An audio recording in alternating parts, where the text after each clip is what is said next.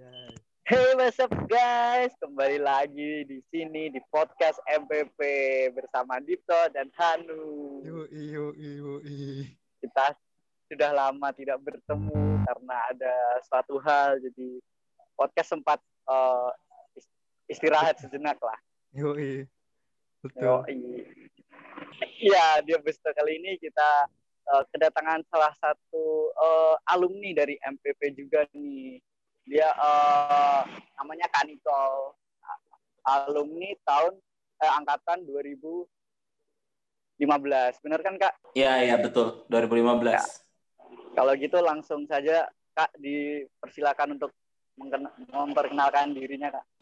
Oke, thank you sebelumnya ya Dipto sama Hanu sudah mengundang saya di acara podcast MPP kali ini. Perkenalkan semuanya di sini uh, kita biar agak uh, apa namanya tuh gue juga nggak terlalu tua-tua banget kok gitu kan. Gue makanya gue gua lu aja ya biar ya, bang. seumuran gitu kan.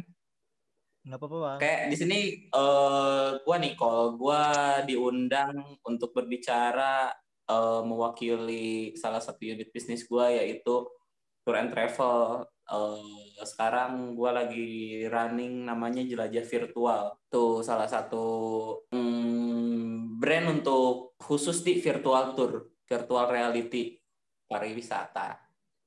Seperti itu guys. Oke. Okay. jadi nanti promo-promonya malah ya di tengah-tengah. Kalau di awal promo nanti orang mikirnya ini komersil. Ya jadi di episode kali ini kita akan uh, lebih belajar mengenal tentang uh, virtual tour karena kan lagi pandemi seperti ini juga jadi sekarang kalau mau tour offline kan agak susah jadi lagi zaman zamannya virtual tour nah, jadi kita akan tanya-tanya pada bisa dibilang ahlinya lah ya Wih, belum bro, masih belajar. Ahlinya yang ya. tadi di seminar kalau nggak salah ada tuh. Itu udah expert banget Oke oke. Uh, kita langsung masuk aja bang ke uh, yang pertama nih bang.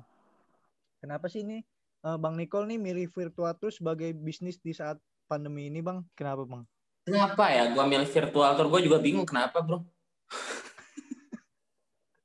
Apa mungkin karena basicnya bang nih?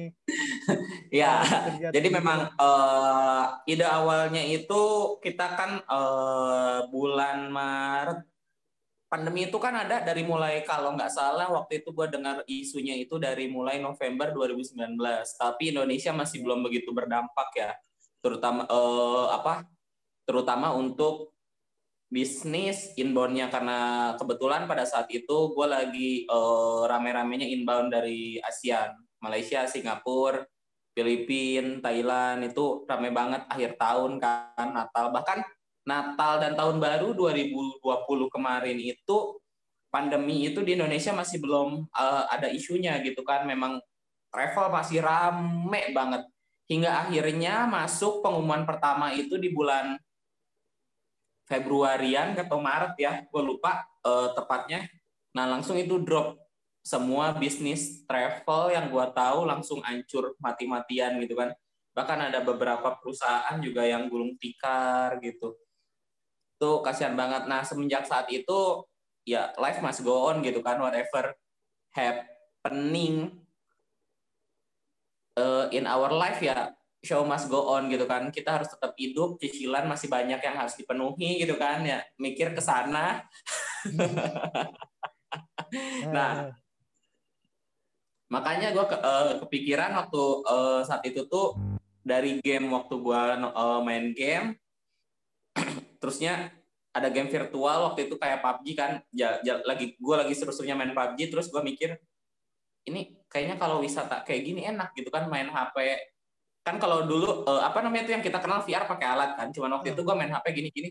Eh kayaknya seru juga ya. Terus gue coba cari-cari tahu di YouTube virtual tour tuh kayak apa gitu kan. Ternyata masih belum banyak.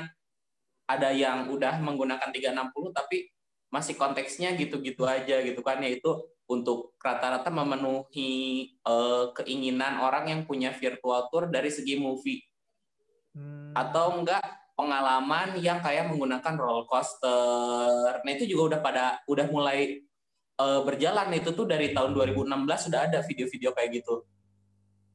Nah, berangkat dari sana gue kepikiran bahwasanya oh ya udah offline nggak bisa untuk sementara ini kita ngambil online-nya yaitu virtual tour. Makanya gue ngambil uh, sama tim gue uh, ada jelajah virtual, jelajah virtual tim. Awalnya kita masih ngeraba-raba konsep bisnisnya seperti apa. Uh, yang penting running dulu gitu kan, karena memang ini sesuatu hal yang baru bagi kita gitu kan. Bahkan mungkin untuk kalangan di Indonesia juga hanya sebagian kecilnya saja yang uh, aware akan virtual tour tersebut gitu. Makanya kita running dari awal. Awalnya ini tuh ada ke, uh, apa namanya tuh perbedaan yang sangat tipis di awal konsep kita nge-build gajah virtual itu antara uh, virtual tour sama uh, apa itu company profile uh, home production. Jadi kemarin itu kita ada sedikit kebingungan mana yang mau kita running dan akhirnya kita running ke uh, bisnis virtual tour. Makanya kalau misalnya ditanya kenapa gue milih virtual tour, karena memang uh, waktu gue baca-baca artikel semenjak gue decide untuk running uh, bisnis ini, ada beberapa artikel dan juga pengamat serta expertnya di bidang ini gitu mereka bilang bahwasanya di tahun mendatang virtual tuh akan menjadi sesuatu hal yang sangat digandrungi apalagi sama kaum kaum generasi Z seperti kita ini gitu kaum kaum milenial itu akan menjadi sesuatu hal yang besar di, di tahun-tahun yang akan mendatang. Makanya gue mikir kenapa nggak gue running dari sekarang walaupun sekarang masih belum banyak peminatnya tapi once itu terjadi booming kita nggak kalah step gitu. Kita udah punya timeline yang lumayan. Kayak gitu. Memang pro, uh, apa namanya tuh prospeknya buat sekarang bukan untuk yang sekarang kalau gue running bisnis ini. Ini bisnis yang memang gue coba build untuk 2 sampai tiga tahun ke depan. Bahkan mungkin itu yang akan yang gue harapkan kita uh, kita satu tim semua harapkan itu yang uh, sudah mulai terasa ya dua tahun sampai tiga tahun itu sih oh berarti tuh sebelum kalau jujur aja nih bang uh, saya sendiri emang ya, baru tahu jangan, jangan jangan ada dusta di antara kita lah jujur jujur aja bang. Ternyata tuh virtual tour udah ada sejak lama ya. Kalau aku sih baru tahunya sekarang sih gara-gara corona ini. Ah, I see.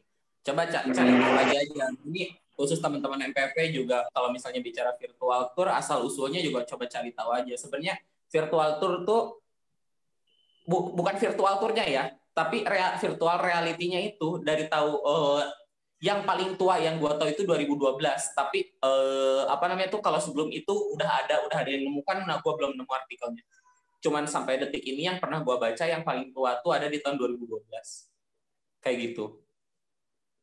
Jadi dari tahun 2012 virtual reality itu udah ada gitu. Dengan hmm. keterbatasan-keterbatasan tertentu yang pasti belum secanggih kayak sekarang. Tapi dengan adanya pandemi ini jadi orang-orang banyak yang ngembangin virtual reality menjadi virtual tour kayak gitu ya bang ya? Kurang lebih ya bang ya jelas nggak cuma ke virtual tour aja. Virtual reality ini kan uh, ada rekan uh, rekan kerja gue juga. Dia running dari tour sekarang ngerjain virtual reality-nya ke properti. Hmm. itu uh, karena mungkin uh, beliau ngelihat celahnya di sana dan koneksinya bagus beliau running di sana gitu. Kalau gue di sini lebih ke uh, tour and travelnya. Virtual tour ke pariwisata kayak gitu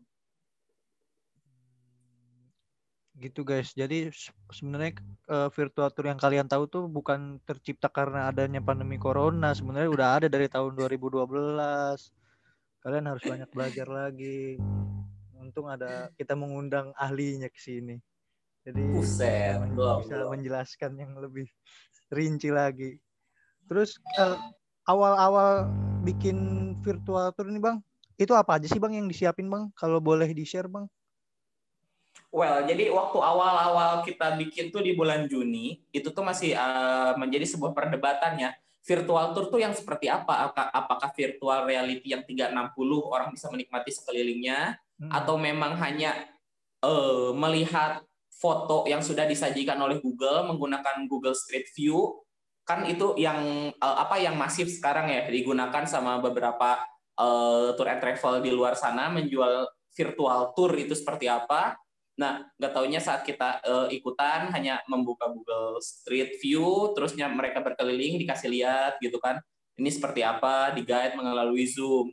Nah, ada juga yang bilang bahwasanya kalau virtual tour tuh hanya dengan slide saja presentasi dan itu dilakukannya secara virtual seperti ini, secara uh, apa uh, di media, di media beberapa media seperti Zoom dan lain-lain, uh, itu juga bisa disebut virtual tour. Nah, ini masih menjadi perdebatan dan memang uh, yang gue tahu ternyata memang dari mulai presentasi slide saja yang dilakukan seperti ini hingga yang paling advance yaitu uh, 360. Nah, itu semua bisa disebut sebagai virtual tour. Nah, kalau misalnya ditanya dari awal seperti apa, kita dari awal dimulai dari semuanya. Dari mulai kita hanya presentasi slide dan ngasih foto-foto. Jadi saat kita mau interpretasi candi, kita kasih lihat foto candi. Saat kita mau interpretasi kris, kita kasih lihat foto kris seperti itu, itu awalnya. Nah, semen, e, dari running di sana, terus ada feedback masuk dan lain-lain.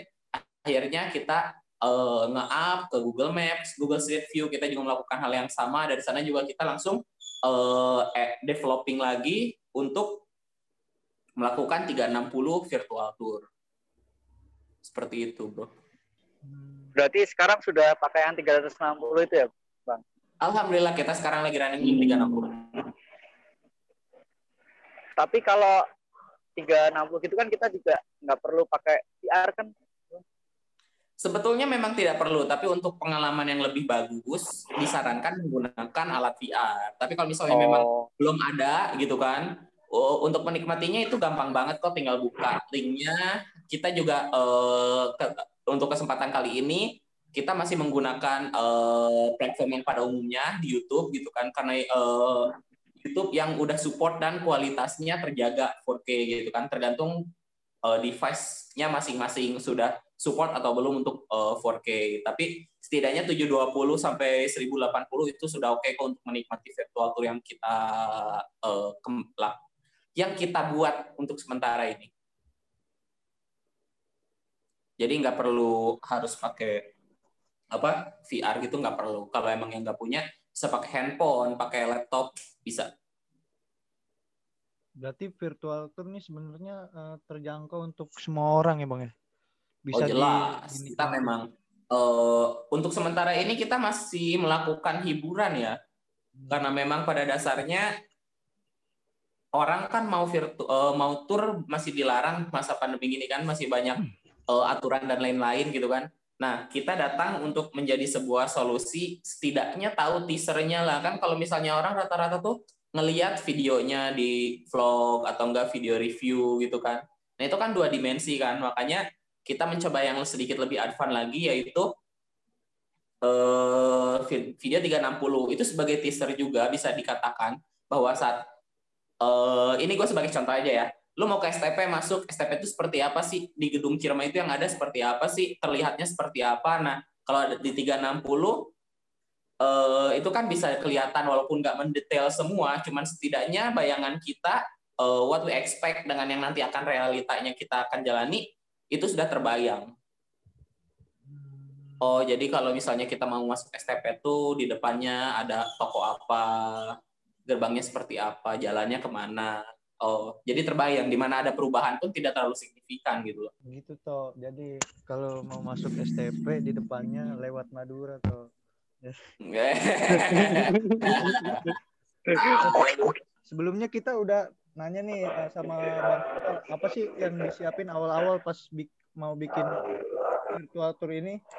Terus sekarang kita juga satu lagi tuh yang niat tuh eh apa yang harus disiapin tuh? Niat. Nggak ada niat nggak jalan. Iya nggak bakal nggak bakal jalan. Semua emang harus diawali dengan niat. Ya. sama yang yang penting semangat. Iya. Yeah. kayak kalau kalian perhatiin nih kalau kalian niat nonton podcast ini Dito udah pindah. Backgroundnya udah ganti. Dia keren ya bisa summon ke mana aja. Iya. Dia pakai virtual bukan, background background. bukan gara-gara visumnya habis kan. Uh, enggak, ini premium dong. Enggak lah, premium dong. Oke okay, guys, kita lanjut nih, kita lanjut. Uh, sebelum udah udah. Peace love coffee. Yoi. Yoi. Kita lanjut nih bang ya. Uh, sebelum dan nanya nih kita tentang apa aja yang dipersiapin. Terus kemudian uh, mau tanya lagi nih bang, gimana sih caranya bikin virtual tour? Sistemnya kayak gimana gitu? Oh, ya sistem gugur bro, bukan sistem kayak liga. Buka, berarti nggak lek-lekan bang ya? Nggak ada, nggak ada leg-legan. Kalau lek-lekan yang nonton nggak puas nanti, oh. patah-patah ngelek. Terus yang yang dibutuhin tuh apa ya sih bang? Kalau mau bikin uh, apa nih namanya virtual tour? Oke. Jadi kalau misalnya ini untuk teman-teman MPP ya, hmm. apa atau enggak calon-calon maba yang mau masuk MPP mikir MPP gimana gimana gimana. Nih yang sebelah mah tuh yang punya bangunan tinggi, punya kamar gitu kan. Corona tutup, gak bisa apa-apa. Nggak ada tamu hmm. datang selesai. Nah kalau travel mah masih untung, masih punya virtual tour, masih bisa running masih ada lah ya pemasukan uh, uh. ada pemasukan gitu kan nah kalau misalnya mau eh, yang disiapkan uh, dalam pembuatan virtual tour ini sih paling device. Hmm, device harus mantep ya terus uh, internet connection udah pasti. Uh, uh, yang pasti di awal itu uh, device itu tergantung yang tadi yang gue jelasin di awal ya virtual tournya mau seperti apa. Kalau yang presentasi ya lo cukup cari data by Google, foto-foto segala macam juga bisa by Google, asal jangan ada yang copyright ya, harus yang free copywriting. Kalau yang nggak gratis atau ada copyrightnya, lo harus cantumin kartesinya dari mana. Hmm. Itu kalau untuk yang uh, presentasi, kalau misalnya untuk yang Google Map, apalagi Google Map gitu kan tuh so easy banget gitu. Cuman itu kan belum tentu yang terupdate. Google kan mengambil gambar tuh kadang-kadang lu tahu yang orang jatuh aja kesungkur masih ada fotonya gitu kan iya benar terus soalnya gue pernah ketep, apa namanya itu di virtual tour yang punya siapa ya adalah pokoknya uh, tour and travel sebelah dia ngadain uh, virtual tour pakai Google Map Street View gitu terus dia ngasih perjalanan jalan gitu orang yang jatuh ke rekam kamera ada ada di situ itu juga jadi bahan joke gitu hmm. maksudnya kan kalau yang itu uh, pengambilan gambarnya nggak terupdate gitu. Tapi itu yang dibutuhkan ya cuma laptop doang. Kalau itu laptop tok sama koneksi internet, sama yang pasti keahlian guidingnya untuk menjadi apa guide pengisi acara. Nah, kalau yang gue lakukan sekarang device uh, apa uh, agak sedikit kom kompleks. Kenapa? Karena memang virtual tour yang gue buat agak sedikit advance gitu kan. Yang di mana uh, prosesnya juga cukup memakan waktu yang panjang dari mulai pengambilan gambar, ada pre in postnya kan dari yang pre pengambilan gambar segala macam itu juga ada preparation yang cukup lumayan merepotkan gitu kan dari mulai uh, setting tempat, setting tempat di sini kayak bikin uh, appointment sama yang punya tempat seperti apa segala macam.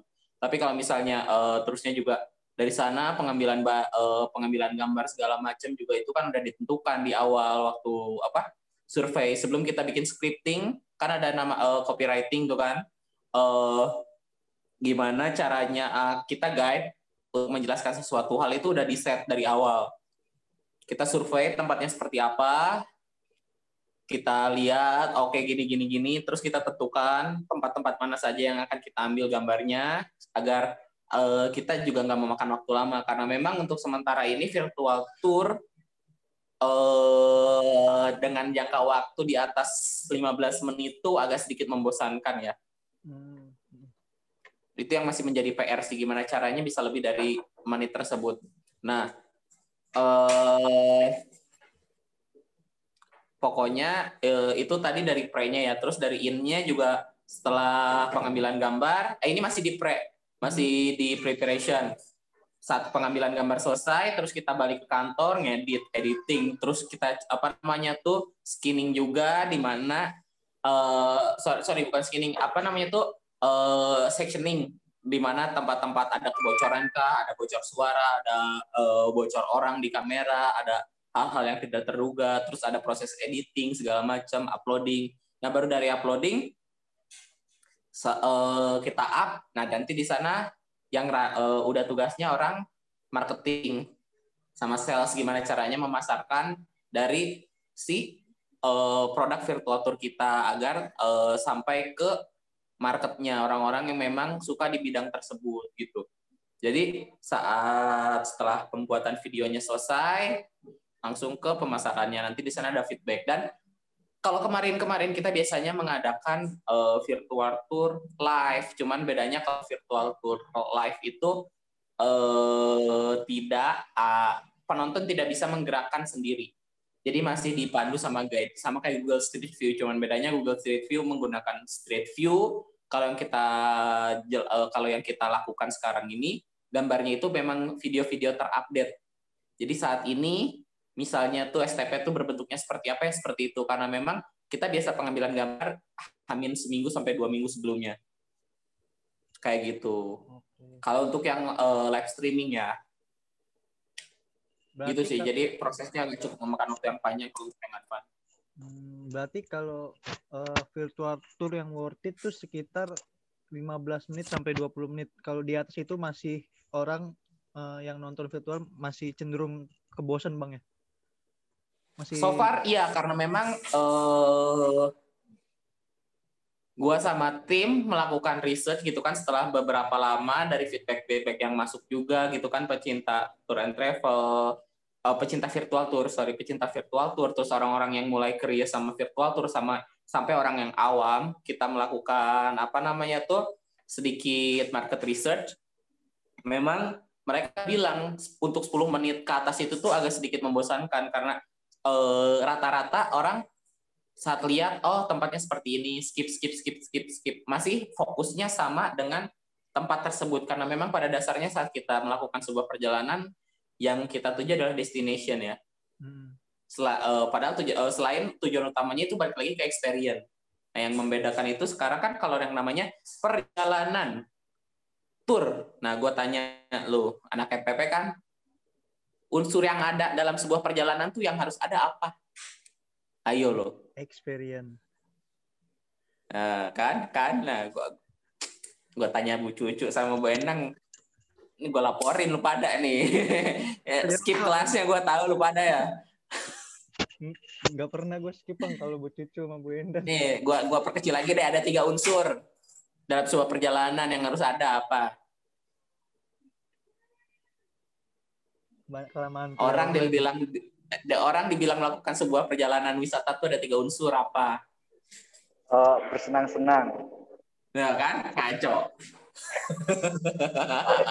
Kebanyakan yang masuk bang, tapi yang nyangkut di... terus terus lagi jalan-jalan, terus kagetnya ngeselin, terus sedih itu menjadi perjalanan ya namanya. Aduh, gue jadi malu nih. Oke, okay. ada tiga, what to do, what to see, what to buy. Ingat loh, itu kan tiga unsur yang di apa saat orang melakukan perjalanan wisata itu harus ada what to do, what to sama what to buy. Nah, maksud gue gini, kalau misalnya yang gue jalanin sekarang ini, what to jelas, virtual tour ada. What to buy juga kemungkinan besar ke depannya itu akan ada. Jadi dari mulai gua waktu melakukan virtual tour nanti ada pembelian merchandise, oleh-oleh. Misal waktu gua mau ke STP, jangan STP ya. Uh, Oke, okay, gua bantu up dikit lah ya. Ini nggak disponsor tapi by the way. Misal kita mau ke uh, tempat kafe di Bandung, salah satu di Bandung kafe Nah, virtual tour cafe itu tuh seperti apa sih interiornya, perjalanannya, menunya seperti apa? Sebenarnya virtual tour tuh nggak jauh beda sama orang ngevlog, by the way. Hmm. Cuman bedanya kalau uh, ngevlog orang rata-rata itu mereka lebih uh, menjelaskan ke experience si penikmatnya, yaitu MC-nya atau uh, orang yang sedang melakukan vlognya. Nah, kalau virtual tour di sini itu fokusnya memberikan edukasi dan uh, pengalaman kepada penontonnya. Gitu. Jadi lebih uh, edukasionalnya lebih apa namanya itu lebih terencana gitu. Karena memang saat kita melakukan uh, virtual tour dengan guide itu kan harus dengan data yang jelas. Nggak bisa lu waktu ngejelasin seenaknya oke okay, ini tuh ada gelas. Nah gelas ini tuh terbuat dari baja padahal dari plastik. Nah lu kan nggak bisa kayak gitu. Itu itu guide yang tidak baik dan tidak benar. Lu berbohong. Kayak gitu. Jadi uh, melanjutkan yang tadi uh, waktu do waktu si waktu buy nah itu uh, ke depannya waktu buy ada. Waktu dunya yang sampai sekarang gue masih bingung gimana caranya orang bisa menikmati virtual tour. Maka supaya betah sampai di atas 10 menit. Kayak gitu sih. Karena memang waktu lu mancing misalnya atau misalnya datang ke tempat main main perahu ya lu literally main perahu gitu kan dayung, basahnya kena, gitu kan, beceknya kena. Nah, kalau misalnya untuk virtual tour kan hanya oh lihat sensasi lihat, saja, lihat terus ada visual suara, nggak bisa visual audio maksudnya. Kayak gitu, makanya orang di atas 10 menit agak lumayan bosen. Berarti untuk sementara nih virtual tour uh, apa sih namanya udah jalan tapi kebanyakan orang tuh uh, cenderung bosen karena dia cuma bisa ngelihat dan denger doang tanpa merasakan langsung kayak gitu bang ya? Betul. Orang-orang kentang lah bahasanya kalau bahasa gaul kita tuh. Kena tanggung. Soalnya ya gimana ya orang orang kalau tur maunya ya ya langsung kayak gitu kan. Kalau cuma lihat ya iya lu pengennya langsung langsung kan? Iya bener. Aduh. Terus yang selanjutnya nih bang. Uh, gimana caranya bersaing virtual tour ini virtual tour punya abang nih gimana caranya bersaing dengan virtual tour virtual tour dari travel agent lainnya bang? Ad, uh, tips and triknya kayak gimana bang? Supaya tetap oh, okay. orang mau Seben... nonton gitu bang. Hmm. Sebenarnya sih kalau misalnya dikata bersaing tuh di kamus gua dalam berbisnis nggak ada bersaing ya bro hmm jadi kalau misalnya uh, gua so far sampai detik ini menjalankan sebuah usaha ini, terutama yang bisnis tour travel ini, gua nggak ada yang namanya uh, bersaing gitu. Kompetitor ada tapi uh, nggak gua anggap mereka itu saingan. Karena memang uh, walaupun kita melakukan hal yang sama, terkadang di beberapa sisi kita uh, ada perbedaan-perbedaan tertentu. Nah, makanya kalau misalnya untuk kompetitor-kompetitor yang ada, uh, gue lebih sukanya itu uh, kolaborasi ya. Gua panggilnya uh, rekan-rekan kolaborasi. Jadi saat orang punya apa, nah kalau kita bersaing kan gimana caranya kita mengalahkan mereka, mereka mati, kita sukses. Konteksnya kan uh, apa namanya itu saat kita bicara bersaing itu seperti itu ya. Gimana caranya kita beating each other? Gimana caranya kita mengalahkan satu sama lain? Nah, kalau gua yang gue lakukan sekarang ini, saat orang ada yang sukses di arah sana, nah gimana caranya kita bisa ikut sukses dan membawa dia semakin sukses. Jadi saat lu viral, gue ajak kolaps, oke okay, virtual lu seperti ini, ini yang serunya di mana sih? Misal dia punya guide yang bagus, ya udah kita undang aja, lu guide represent dari travel tersebut. Lu main di virtual tour gue, lu nge-guide di gue, nanti kita uh, up bareng. Jadi pemasarannya di sana bareng, di sini bareng gitu. So far itu yang gue lakukan uh, selama ini ya. Kayak gitu sih. Jadi kalau misalnya ditanya gimana cara bersaingnya, karena memang marketnya juga berbeda. Kalau mereka kan virtual tournya berbayar, bro. Rata-rata ya, mostly. Mereka itu saat lu mau nonton virtual tour berbayar, sedangkan kalau yang kita lakukan di Jelajah Virtual, it's free. Totally free. Free for everyone who wants gitu. Just click the link and then you can enjoy everything. Kayak gitu, bro. Jadi memang kalau misalnya gimana caranya bersaing, uh, sampai detik ini sih alhamdulillahnya lancar-lancar aja ya gitu karena memang orang mah di, di, dibuat private gitu. Kalau gue sih dibuat public emang gue eh, mengejarnya bukan untuk pendapatan detik ini gitu. Gue mengejarnya untuk eh, investasi jangka panjang. Makanya so far sampai detik ini gue simpen eh, apa gue deliver for free for everyone gitu. Karena memang ada beberapa unit eh, tujuan-tujuan tertentu yang gue harapkan dari virtual tour ini gitu. Dan gitu apalagi sih, lagi masa pandemi gini ya bang. Kan kayak istilahnya lagi masa-masa pengembangan virtual tuh jadi alangkah lebih baik kalau berkembang sama-sama gitu ya bang. betul setuju pak. Oh ya bang. Uh, pertanyaan terakhir nih bang. Kalau masalah uh, kendala bang dalam pembuatan virtual tuh. Sorry gimana? Kendala. Uh, kendala dalam pembuatan virtual tour apa aja sih bang kendalanya gitu Oh, Oke, okay.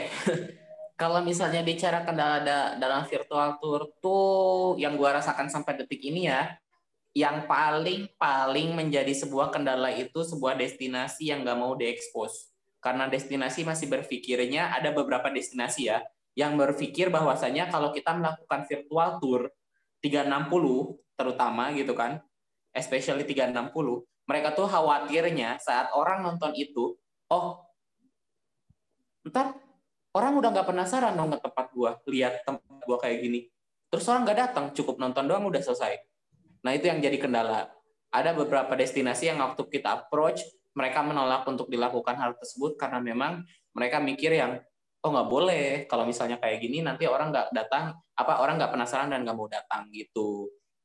Seperti itu sih. Pada uh, ada ada uh, itu kendala yang uh, kemarin tuh sempat merubah sampai merubah jadwal kita semua tuh yang di mana uh, uh, udah scheduling udah booking uh, apa namanya tuh udah booking semua gitu kan. Preparationnya udah keluar semua. Terus ada destinasi yang uh, cancel. Jadi ya panjang ceritanya. Intinya uh, kendalanya ada salah satunya itu gitu. Ada destinasi yang tidak mau di up karena memang khawatir orang tidak penasaran lagi dan membuat hal tersebut menjadi uh, faktor X untuk merenungkan ke keinginan orang untuk datang ke destinasi.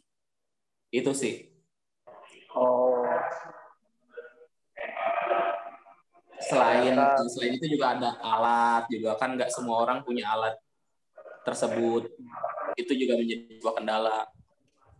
Kayak gitu sih. Bang terakhir bang. Mau tanya bang? Tadi kan kayak tadi Dito bilang terakhir sekarang lu terakhir. ini ini tuh tadi terakhir dari Dito. Ini terakhir dari gue bang. Oke oke oke. Masih kan bisa gue terima.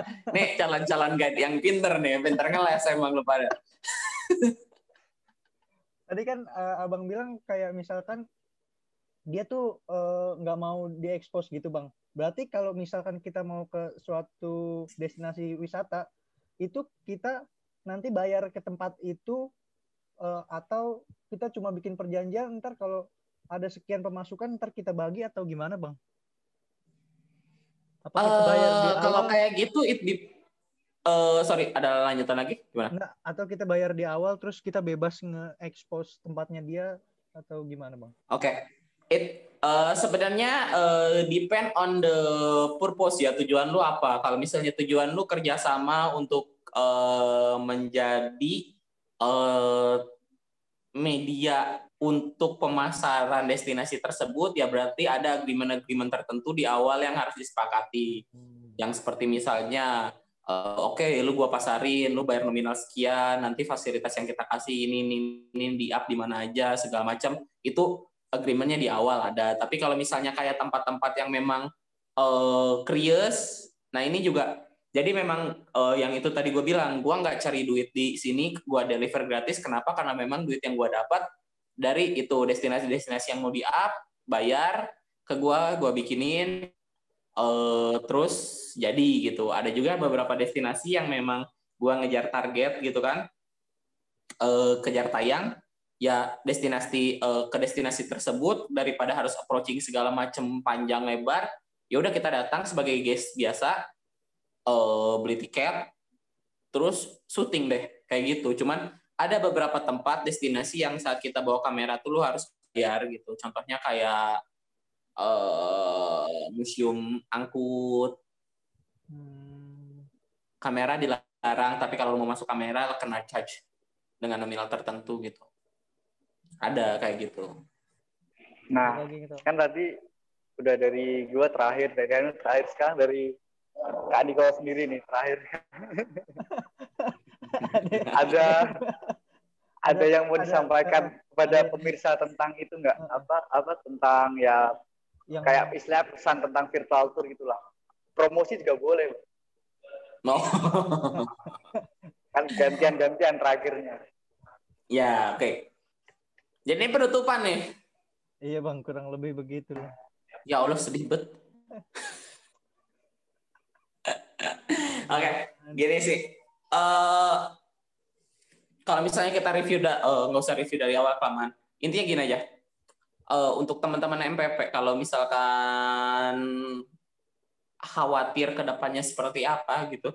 Gak usah takut, apalagi MPP Tour and Travel kita bisa ke mana aja kok gitu kan. Yang gue lakuin sekarang juga selain menghibur di virtual tour dan juga ada beberapa agreement di sana, uh, memang ini pandemi ini kita belum tahu sampai kapan ya dan memang solusinya juga masih uh, buntu gitu so far. Ada ada peraturan A tapi terhalang dengan peraturan B. Masih simpang siur intinya lah ya tapi jangan menyerah.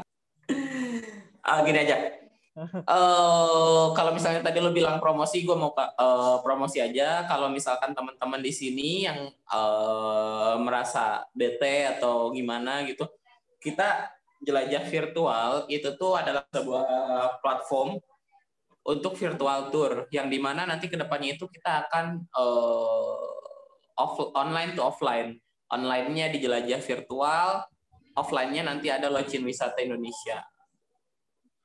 Locin Wisata Indonesia itu teman-teman yang butuh tiket paket wisata murah itu bisa ke sana. Itu yang offline-nya. Kalau online-nya itu virtual perlu fokus virtual tour ke arah sana gitu kan.